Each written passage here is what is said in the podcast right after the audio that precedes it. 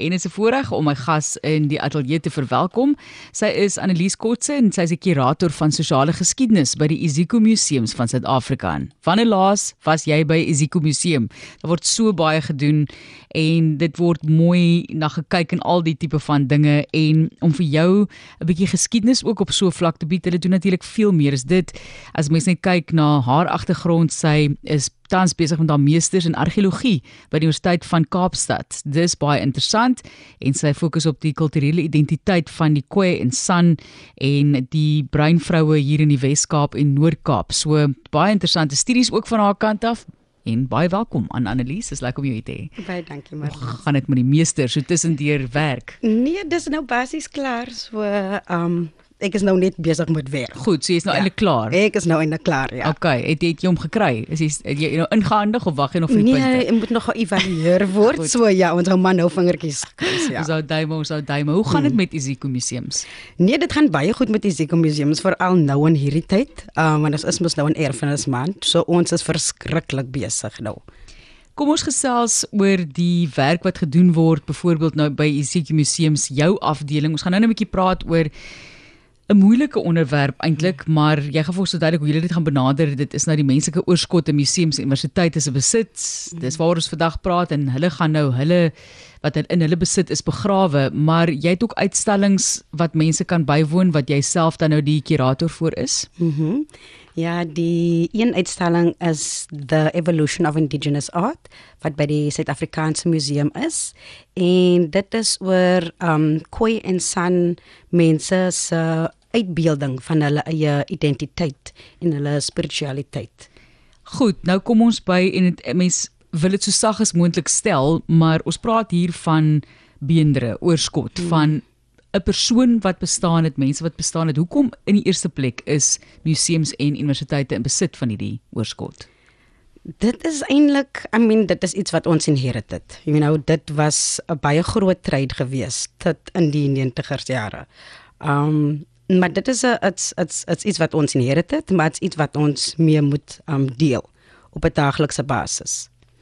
Goed, so dis iets wat 'n mens ontvang het uit die verlede mm. en weer eens ek probeer nou dit so sagkens as moontlik hanteer want dit is eintlik baie sensitief vir baie kultuurgroepe mm. in die wêreld of oor die wêreld heen. Mm. En Annelies, nou moet jy verduidelik hoekom jy besluit het om julle sin te begrawe en wat is die belang daarvan om byvoorbeeld 'n persoon wat nou lankie, dit is tog net beendere. Ek dink baie keer ag jy weet wat maak dit saak. Maar daar is dan 'n groot mate van respek daaraan gekoppel en vir baie kulture is dit baie belangrik hoe iemand begrawe is en waar hulle begrawe is. Absoluut, want die ding is hulle moes nooit in museums ingewees het nie. You know as jy dink aan jou eie grootouers en jy moet nou uitvind eendag hulle beendere is in 'n museum of in 'n universiteit. Ehm um, dit sal mos nog nie reg sit met jou nie want jy weet ons al ons eie praktyke oor hoe ons mense moet begrawe en die feit dat daardie mense nog nie begrawe is nie. Daai gesprek moet ons hê. Is 'n moeilike gesprek, maar dit is iets wat moet gedoen word. Hoe benader julle dit? Sal julle byvoorbeeld nou kyk na die geskiedenis van die persoon? Hoe baie weet 'n mens byvoorbeeld in die eerste plek van die oorskot en wie hierdie mense was? So basies wat dit is is as die mense inkom, ons is mos nou 'n regering, regeringsinstituut. So daar's basiese dinge wat ons moet doen waarvan dat die persoon gekom het, was dit 'n man of 'n vrou, um, wat se dele van die liggaam dit is en dan versorg ons dit. Ons sit dit in um spe, um spesifieke kamers, spesiale kamers. Ons laat ek regtig mense dat toe nie, miskien net mense van die gemeenskappe wat nou na ons toe kom en vra, you know, ek het gehoor julle het dit, hoe kan ek dan seker maak om saam met julle gesels net sodat ek kan seker maak my mense se bene is begrawe. Dit verg seker baie navorsing want jy moet nog kyk wie die persoon is, dan moet jy daardie nageslagte gaan opsoek. Dit is baie navorsing en die ding is hoe meer mense weet dat ons dit het, hoe beter dit is. Soos ek het 'n um simposium gehad by IWK en ek moes saam met um jong leerders gesels hieroor. En dit was 'n bietjie ongemaklik. Ek het gevra, "Is dit oukei? Okay? Gaan niemand vir my skelp oor die feit dat ek hier oop praat nie?" Maar die feit is is dat is basies net museum en universiteitsmense wat hier oor gesels. Goed. You know die die brode public weet nie regtig daarvan nie. En hoe meer mense kan weet dat ons die bene het en ons wil dit baie graag begrawe, hoe beter sal dit dan vir ons wees. Dit maak ook ons werk bietjie makliker sodat ons nou nie hoef mense te gaan soek nie, maar mense kom dan na ons toe en dan begin die gesprekke en dan kan ons doen wat gedoen moet word. So die mense wat julle nou welkom kon opspoor, moontlike mm -hmm. familie, gee hulle om. Het hulle gesê ons sal graag betrokke wil wees of ons Absoluut. gee om hoe die persoon begrawe word? Nee, ons het nog nooit so 'n geval gehad waar mense gesê het ons gee nie om nie. Baie van die mense um, wat inkom en ons laat hulle ook toe om in die kamers te kom, maar net die mense van die spesifieke gemeenskappe wat ons mee gesprekke het. So ons laat hulle dan toe om in te kom, gebede word gesê, you know, en hulle ons laat vir hulle toe om vir ons te sê wat hulle wil hê ons moet doen daarmee. Want tot hy beendre begrawe is, is dit ons verantwoordelikheid om met respek na hulle te kyk maar niemand het nog gesê hulle hulle wil hulle gee nie om nie. Ja. Mm, hulle sê altyd dat hulle voel dat omdat hy beender nog nie begrawe is nie, um kan die gemeenskappe nie regtig heel nie en hulle het dit nodig. Sonder om nou mense se privaatheid hierso by in inbraak op op hulle privaatheid te maak, kan jy vir ons 'n 'n geval, 'n voorbeeld gee van 'n geval van beendere wat jy kon uitken, jy weet wie dit is en 'n familie wat jy kon kontak waar die persoon dalk vandaan gekom het in hulle lewe enigsins insig in hulle lewe. Ja, nee, definitief. Ons het nou al twee gevalle gehad waar um, ons die mense laat inkom het en hulle het met ons gesels en maar die ding is is dat waar die beendere gekry is en waar die persoon um, vanaf gekom het, kan miskien twee verskillende plekke wees. So dan praat ons miskien nou met 'n uh, 'n chief of 'n uh, leier van die gemeenskap wat dan mense bymekaar kan kry en dan kan ons meer gesels en sien hoe kan ons agter die kaf van die byl dan kom. Hoe baie mense se oorskot het julle by Isiko Museums?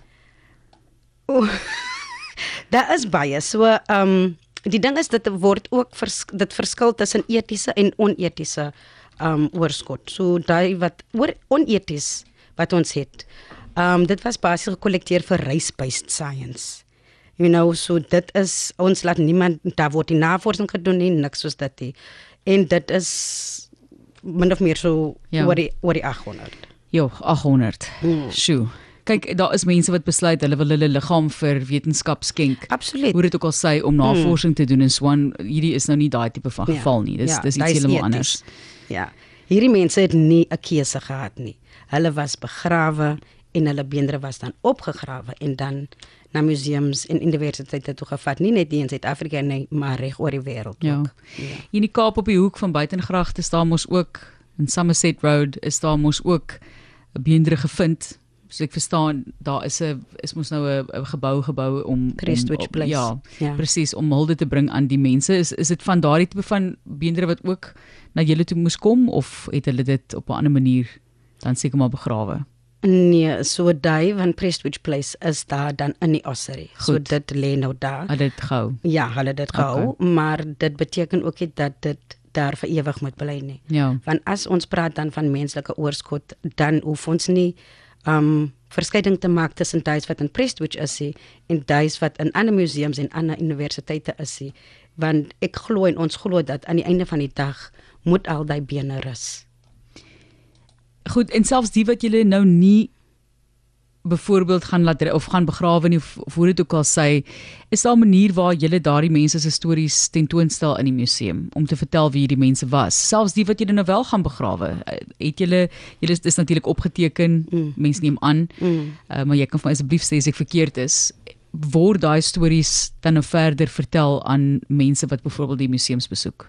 Absoluut. En ek het eintlik in 2018 'n uh, uitstalling gehad oor Sarah Bartman want sy was 'n suksesstorie van iemand wie se oorskot gevat is oor see um na liggaam as uiteindelik dan begrawe en ek het dan uitstallings gehad van die spesifieke bokse wat ons het net sodat mense kan weet you know hulle het 'n storie ja. hulle het miskien nie 'n naam nie maar as jy 'n boks sien wat miskien van Concordia is byvoorbeeld en jy is van Concordia dan dan laat dit vir jou dink en vra vra en dan moet hulle vir die museum vra wat wat is dit? Wie het julle? Hoe kan ons vir julle help om hierdie saak uiteindelik tot 'n einde te bring? Hoe lank gaan dit julle neem om die projek af te handel?